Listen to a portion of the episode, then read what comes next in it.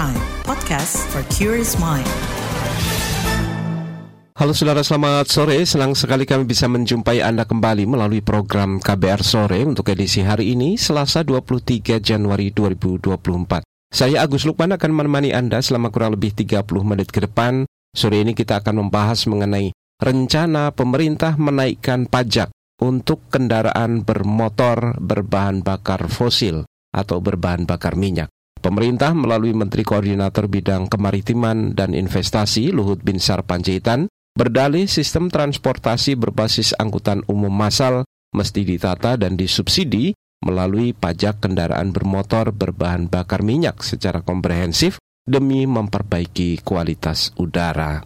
Apakah wacana ini solusi mengatasi polusi udara dan mempercepat ekosistem kendaraan listrik di tanah air? Selengkapnya kita bahas di KBR sore.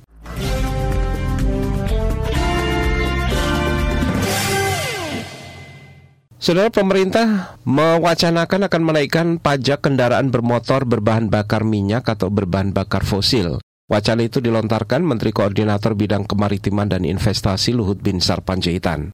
Luhut mengatakan pemerintah berencana mendongkrak pajak kendaraan berbahan bakar minyak untuk mempercepat pertumbuhan ekosistem kendaraan listrik sebagai upaya menekan polusi udara. Luhut mengatakan kebijakan ini juga ditujukan untuk memberikan subsidi bagi transportasi publik seperti kereta api ringan atau LRT.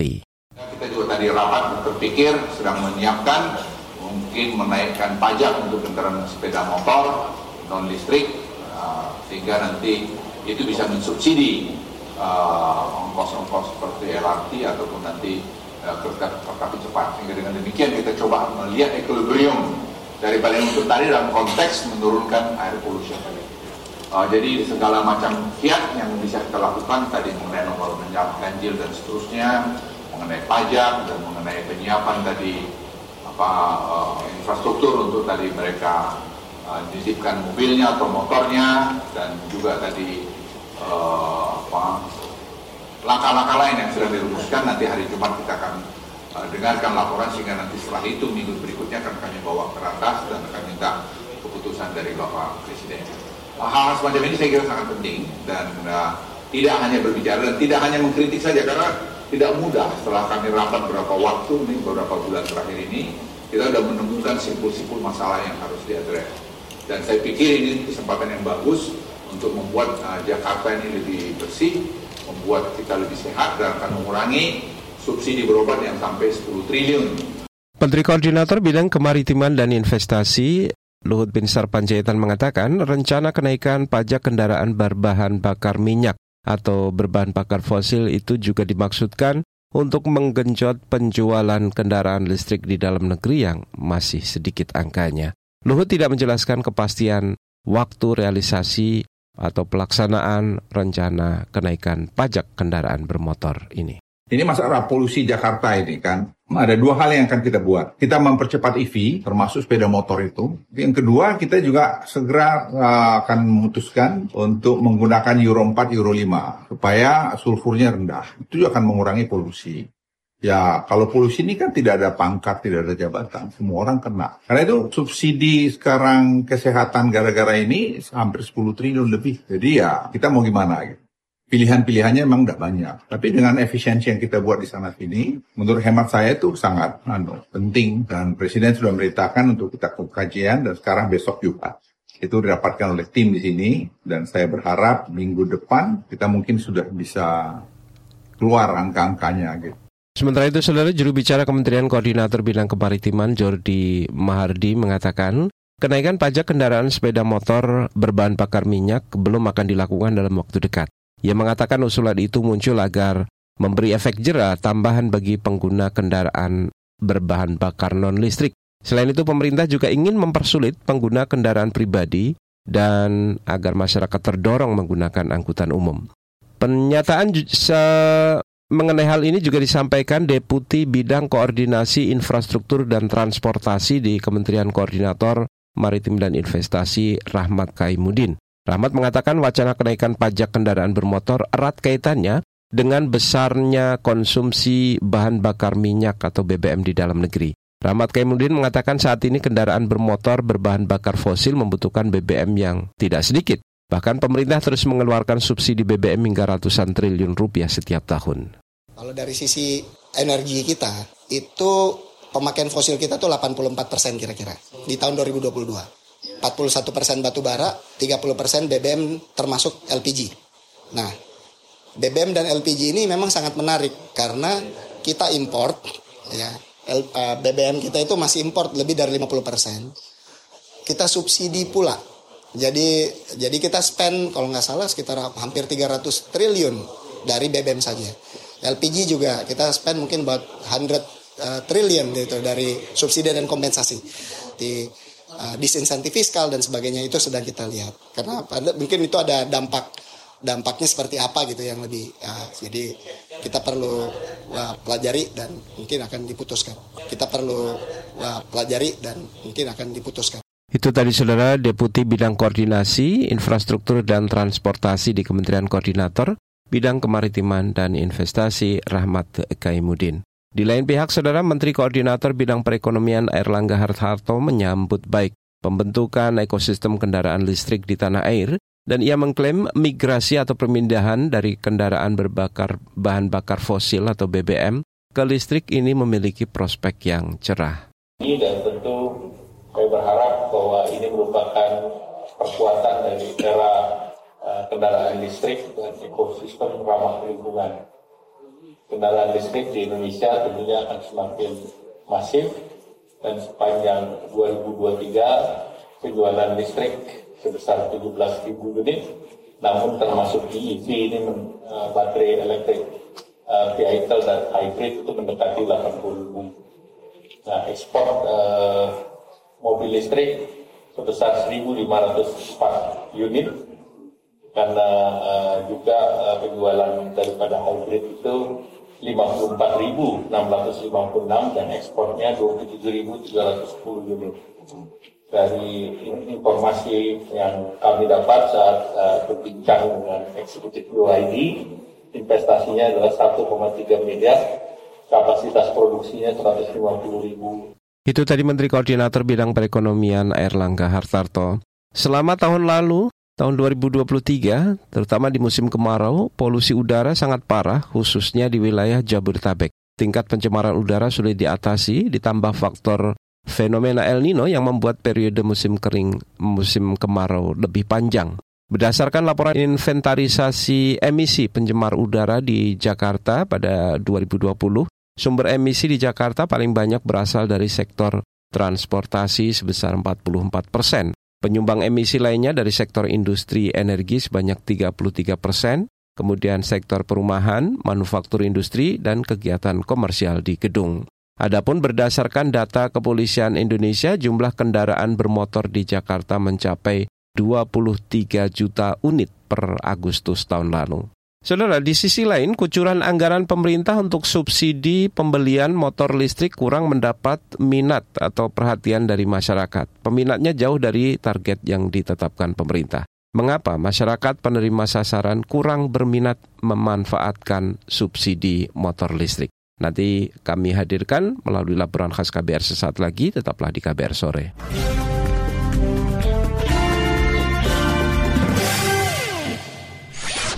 Commercial break. Commercial break. Nonton TV ah, kali-kali aja ada berita bagus. Iya, apaan sih? Acaranya gosip, sinetron, itu terus. Matiin aja ah, bosen. Hah, mending baca koran. Coba deh kali ada berita seru ya. Pemilihan presiden tahun 2019. Dih, berita tahun kapan ini? Kirain koran baru. Eh, uh, basi. Perhatian, perhatian. Selain bisa didengarkan di kbrprime.id, kabar baru juga bisa Anda dengarkan setiap jam, Senin sampai Jumat, mulai pukul 7 pagi hingga pukul 8 malam. Di radio jaringan KBR seluruh Indonesia, dari Aceh hingga Papua. You're listening to KBR Prime, podcast for curious mind. Enjoy!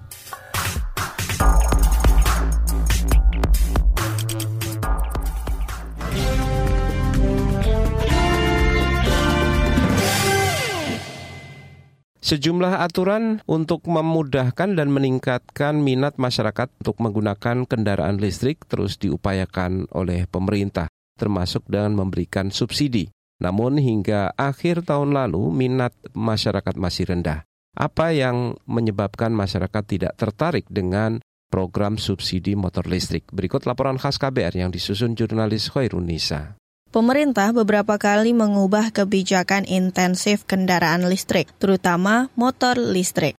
Evaluasi dilakukan karena intensif yang diberlakukan sejak Maret tahun lalu sepi peminat. Revisi diharapkan menarik minat masyarakat. Menteri Investasi sekaligus Kepala Badan Koordinasi Penanaman Modal BKPM Bahlil Lahadalia mengaku jumlah pembeli motor listrik saat ini masih sangat sedikit dan jauh dari target kita sekarang lagi karena tadinya kan kita berpikir bahwa itu hanya untuk UMKM, tapi ternyata kan dari target 200 ribu hanya satu persen aja yang uh, realisasi. Ternyata kita lihat ada beberapa prosedural yang kita lihat nggak clear. Dan konsep ini kan sebenarnya bukan konsep hanya subsidi, tapi ini konsep kita ini kan untuk green, ya. Ini untuk apa ya Indonesia bersih dan sekaligus untuk bagaimana kita mengklirkan terhadap BBM juga pengalihan. Semula, pemberian insentif terbatas pada kelompok tertentu, semisal UMKM. Namun kini diubah untuk umum. Setiap pemilik nomor induk kependudukan atau KTP bisa mendapatkan subsidi 7 juta rupiah untuk pembelian satu unit motor listrik. Ini disampaikan Bahlil di Istana Agustus tahun lalu. Jadi kita tadi mempertimbangkan untuk setiap KTP, satu KTP satu motor listrik. Tadi kita lagi ada mempertimbangkan seperti itu. Pemerintah juga berupaya menaikkan insentif konversi motor bahan bakar minyak ke motor listrik menjadi 10 juta rupiah dari sebelumnya 7 juta rupiah per unit. Bahkan, Menteri Koordinator Bidang Kemaritiman dan Investasi Menko Marves Luhut Binsar Panjaitan mengupayakan subsidi motor listrik bisa keluar dengan cepat. Kejar lagi supaya subsidinya itu bisa datang keluar dengan cepat sehingga dengan demikian masyarakat yang mau mengkonvert sepeda motornya itu juga bisa lebih menarik buat mereka dan tentu juga perputaran uang itu bisa jalan gitu. Karena orang kalau terlalu lama duitnya nggak dibayar kan juga repot. Namun, perubahan itu tidak juga membuahkan hasil signifikan. Kementerian Energi dan Sumber Daya Mineral ESDM melaporkan konversi motor listrik baru 181 di 2023. Sedangkan targetnya 50 ribu unit. Direktur Jenderal Ketenaga Listrikan Kementerian ESDM, Jisman Hutajalu, mengatakan dari jumlah tersebut hanya 145 pemohon yang telah menerima bantuan. Rinciannya, 8 unit menerima bantuan 7 juta rupiah, dan 137 unit menerima 10 juta rupiah. Melaksanakan beberapa program dalam rangka peningkatan ekosistem konversi motor listrik. Pertama itu perbaikan regulasi konversi motor listrik dari mengeluarkan Permen SDM nomor 13 tahun 2023. Kemudian pengembangan platform digital. Jadi nanti termonitor, terkendalikan Sedangkan untuk serapan subsidi motor listrik jumlahnya sedikit lebih banyak meski masih jauh dari target, yakni dari target 200 ribu yang terserap hanya 11.530-an unit di 2023. Dari 1,4 triliun anggaran yang disediakan, baru 78 yang dikucurkan. Mengutip antara, Menurut Kementerian Perindustrian, salah satu penyebab rendahnya serapan adalah soal waktu pengisian baterai yang lama. Selain soal pengisian baterai, Asosiasi Dealer Motor Listrik Indonesia atau ADEMOLI sudah menyebutkan sejumlah masalah yang menghambat serapan subsidi motor listrik. Ketua ADEMOLI, Novit Noviansyah selain itu KTP, alhamdulillah yang sudah diselesaikan pemerintah, adalah pencairan yang sangat berbelit-belit dan sangat-sangat lama, Mbak. Baru boleh ditagihkan cairnya di tanggal 15 di bulan berikutnya, Mbak. Itu jadi sekitar 5 minggu sampai 6 minggu. Lucunya, kami mesti membeli harga normal, Mbak, ke pabrik. Nah, kami mesti nalangin tuh, Mbak, selisihnya itu sekitar 7 juta sampai 9 juta, Mbak. Buat seorang pengusaha kecil UKM, hal ini sangat menyulitkan, sangat-sangat menyulitkan. Program subsidi motor listrik memang menuai beragam kritik sejak dikeluarkan. Bahkan, Lembaga Pusat Reformasi Ekonomi KOR menyebut masyarakat tidak tertarik dengan subsidi motor listrik. Itu sebab Direktur Eksekutif KOR Indonesia Muhammad Faisal meminta pemerintah mengevaluasi kebijakan subsidi motor listrik. Ternyata uh, kondisi penjualan daripada kendaraan listrik juga tidak terlalu bersemangat gitu ya. Jadi uh, tidak terlalu sebesar pada sudah dikasihkan uh, sudah ada insentifnya. Nah, ini kalau kita melihat sebetulnya secara umum kan memang tidak terlalu kuat ya terutama untuk yang menengah ke bawah. Nah, ini jadi yang membuat juga kenapa penjualannya tidak terlalu tinggi seperti yang di, di yang diharapkan. Sekian laporan khas KBR, saya Hoirun Nisa. Itu tadi saudara laporan khas KBR mengenai rendahnya minat masyarakat memanfaatkan subsidi motor listrik. Kita kembali ke topik utama. Upaya menekan polusi udara hingga mempercepat ekosistem kendaraan listrik menjadi dalih pemerintah dengan melontarkan wacana menaikkan pajak kendaraan bermotor berbahan bakar minyak. Apakah kebijakan ini tepat dan berbagai tanggapan akan kami hadirkan sesaat lagi tetaplah di KBR sore.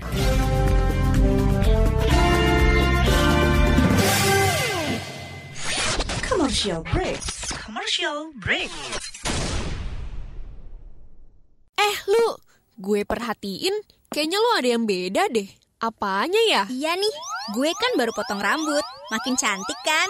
Ih, GR. Bukan rambutnya yang beda, tapi pembawaan lu. Akhir-akhir ini kayaknya makin semangat dan ceria.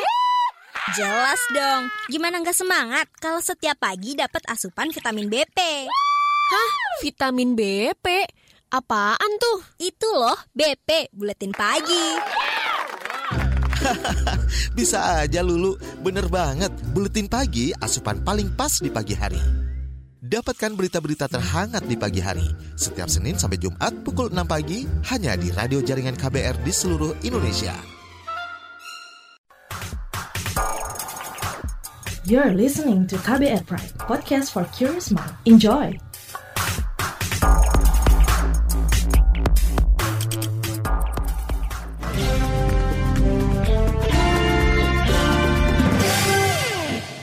Terima kasih Anda masih bersama kami di KBR Sore. Kalangan parlemen merespon wacana pemerintah untuk menaikkan pajak kendaraan pribadi berbahan bakar fosil atau BBM guna menekan polusi udara dan mengalihkan subsidi ke transportasi umum. Pemerintah diminta untuk mengkaji ulang wacana kenaikan pajak itu agar bisa diterapkan secara komprehensif dan diterima masyarakat. Berikut tanggapan Anggota Komisi Bidang Industri di DPR RI, fraksi Partai Keadilan Sejahtera Amin Aka, dalam perbincangan dengan jurnalis Ardi Ridwansyah. Wacana menaikkan pajak kendaraan pribadi motor maupun mobil yang berbahan bakar fosil atau BBM, Pak. Dari pendapat Bapak sendiri terkait kebijakan tersebut apakah solutif untuk menekan angka polusi udara gitu, Pak? Eh, ya, secara teoritis kan ya betul lah otomatis lah ya kalau masyarakat itu beralih ya. Artinya jumlah kendaraan bermotor berbahan bakar eh, BBM itu berkurang dan beralih ke kendaraan motor listrik ya itu tentu untuk menangkan angka polusi jelas jelas saya kira akan berkurang ya polusinya itu ya. Tapi yang saya ingin sampaikan adalah pada pemerintah itu hendaknya kebijakan itu dibuat jangan eh, parsial dan tambal sulam. Ini kan seperti kebijakan seperti ini kan menurut saya kebijakan berbau memaksa gitu loh. Apakah mau saya kebijakan itu mestinya berdasar kajian integral komprehensif itu itu nanti menjadi solusi terkait kenaikan pajak kendaraan pribadi ya, motor maupun mobil berbahan bakar BBM, tapi infrastruktur motor listrik belum memadai. Komentarnya seperti apa? Apa iya ini benar-benar menjadi solusi. Apa juga kendaraan listrik yang dibuat ini sudah benar-benar siap dengan segala infrastrukturnya dan masyarakat nanti eh, apa namanya pertama dari sisi soal harga itu terjangkau bagi masyarakat ya. Kemudian masyarakat benar-benar bisa nyaman dan beralih ke kendaraan listrik ya secara apa uh, signifikan gitu loh. Itu kan masyarakat ketika mau konsumsi ini juga pakai beralih deh dari kendaraan yang berbahan baku BBM dengan kendaraan listrik itu kan juga mikir ya mikir gitu ya. Dia kan banyak masyarakat punya pertimbangan-pertimbangan, punya kalkulasi-kalkulasi gitu loh. Untungnya bagaimana ya tetap kan berdasarkan berbagai macam kajian juga cost benefit ya untung ruginya bagaimana kalau saya pindah ke kendaraan listrik selama ini sudah pakai kendaraan yang berbahan baku eh, BBM gitu ya untung ruginya bagaimana praktis dan tidak praktisnya bagaimana dan sebagainya lah Kemudian dari sisi harganya bagaimana kan masyarakat punya kajian-kajian itu. Apakah ini juga harus disorot oleh pemerintah gitu dengan artian bahwa pajaknya juga harus dinaikkan kah atau ada kebijakan lainnya gitu?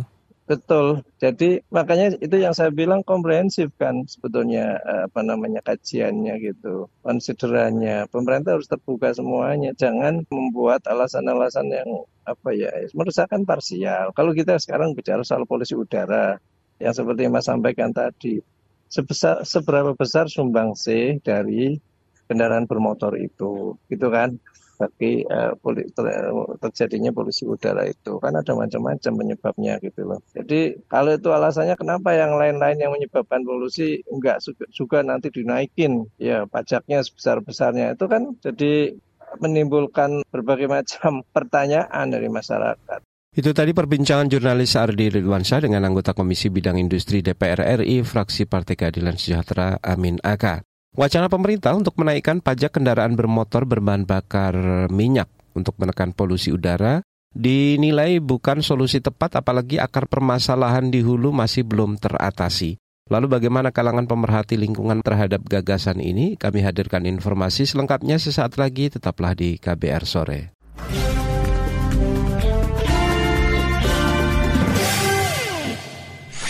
Commercial break. Commercial break. Ini kok macet banget ya? Tumben. Kayak baru pertama kali aja kena macet mah. Ini kan makanan sehari-hari. ah, papa nih. Bikin mama tambah sepaneng aja. Ini udah mau jam 9 loh, Mah. Duh, papa telat deh. Papa kan masuk kantornya jam 10. Belum telat dong. Bukan masalah ngantor, Mah. Papa nggak mau telat dengerin talk show ruang publik KBR. Tolong dong, Mah, puterin channel radionya. Hoalah, papa, papa. Ruang Publik KBR, talk show yang membahas beragam tema menarik dan informatif, menghadirkan narasumber kompeten. Anda bisa mendengarkan setiap Senin sampai dengan Jumat, pukul 9 sampai 10 waktu Indonesia Barat. Hanya di 100 radio jaringan KBR di seluruh Indonesia.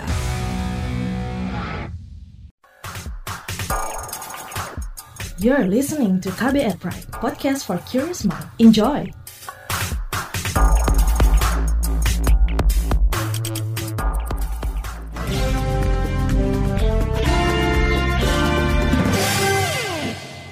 Kita berada di bagian akhir KBR sore. Saudara Lembaga Kajian Hukum Lingkungan AISEL meminta kenaikan pajak kendaraan bermotor berbahan bakar minyak dikaji mendalam agar bisa diterima semua kalangan. AISEL menyarankan kenaikan pajak kendaraan bermotor diterapkan lebih dulu untuk kendaraan roda 4 baru sebelum ke kendaraan roda 2. Kebijakan ini juga mesti melalui kajian menyeluruh jika tujuannya untuk mengatasi polusi udara. Selengkapnya kita simak perbincangan jurnalis Rangga Sugeri bersama Kepala Divisi Tata Kelola Lingkungan dan Keadilan Iklim dari LSM Aisel, Bella Natania. Soal wacana kenaikan pajak kendaraan bensin, apakah ini iya. efektif iya. Bu untuk menekan polusi udara? Sedangkan penekanan hukum industri sendiri tidak berjalan Bu, menurut Ibu bagaimana? Pajak kendaraan bermotor ini ya, menurut saya tuh nggak bisa dimulai langsung diterapkan semua gitu ya maksudnya segala jenis kendaraan bermotor. Misalnya dimulai dulu dari mobil. Soalnya ya menurut saya biasanya kan orang yang punya mobil secara ekonomi pasti lebih uh, baik ya dibanding orang yang hanya punya motor gitu. Nah ketika yang uh, yang mobil ini sudah berjalan dan berjalan efektif gitu ya uh, kenaikan pajak kendaraannya mungkin sehabis itu baru bisa nih kita bicara terkait dengan kenaikan pajak kendaraan bermotor gitu sih jadi ini memang soal harus diperhatikan juga ya aspek keadilannya terutama untuk masyarakat kelas uh, menengah ke bawah. Lalu terkait wacana kenaikan pajak kendaraan konvensional ini, apakah bakal bisa berdampak masyarakat beralih ke angkutan umum atau membeli kendaraan listrik, Bu? Uh, soal itu menurut saya uh, balik lagi ya bisa jadi dua hal gitu. Bisa jadi masyarakat yang punya ekonomi yang cukup tetap akan menggunakan mobil gitu ya yang cukup baik kita akan menggunakan mobil. Permasalahannya adalah apakah uh, transportasi publik yang disediakan sudah cukup gitu pada akhirnya untuk uh, mengcover semua wilayah. Misalnya selalu misalnya kita berkaca sama apa yang terjadi hari ini kan sebenarnya orang itu kan males beralih ke kendaraan umum kan sebenarnya karena uh, istilahnya itu satu terlalu terlalu penuh gitu ya kendaraan umumnya. Dua mereka harus transit berkali-kali atau berganti moda transportasi yang terlalu banyak ini kan maksudnya nggak memberikan kenyamanan gitu bagi orang dalam uh, menggunakan transportasi publik. Jadi menurut saya ketika pajak kendaraan itu naik, orang yang punya uang tetap akan menggunakan mobil gitu ya. Oleh karena itu, si kenaikan pajak ini pun juga harus dibarengi dengan perbaikan transportasi publik yang juga harus diseriusin gitu ya istilahnya ya perbaikan transportasi publik ya. Kalau untuk penanganan polusi udara sendiri Bu oleh pemerintah itu seperti apa ya Bu? Saat ini apakah masih tebang pilih atau malah tidak dilakukan Bu? Pemerintah sebenarnya sudah sudah baik ya menurut saya sudah ada beberapa peraturan yang cukup progresif gitu pada akhirnya dikeluarkan oleh pemerintah. Yang pertama itu misalnya uh, mereka sudah mencoba untuk mengetatkan ya baku mutu ambien secara nasional gitu.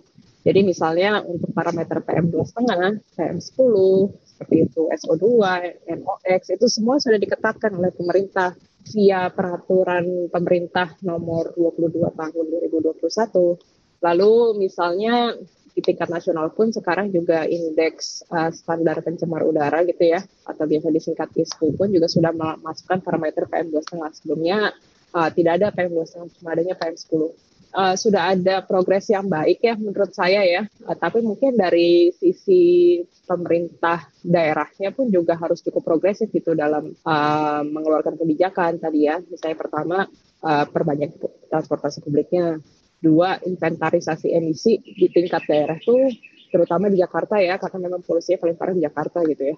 Itu juga harus dilakukan gitu secara rutin dengan hanya karena ada kasus uh, polusi udara sedang naik, makanya pemerintah melakukan inventarisasi emisi. Itu tadi saudara perbincangan jurnalis Rangga Sugeri dengan Kepala Divisi Tata Kelola Lingkungan dan Keadilan Iklim dari Indonesia Center for Environmental Law ICEL Bella Natania. Informasi tadi saudara menutup jumpa kita di KBR sore untuk edisi hari ini Selasa 23 Januari 2024. Saya Agus Lukman bersama tim yang bertugas kami undur diri. Salam.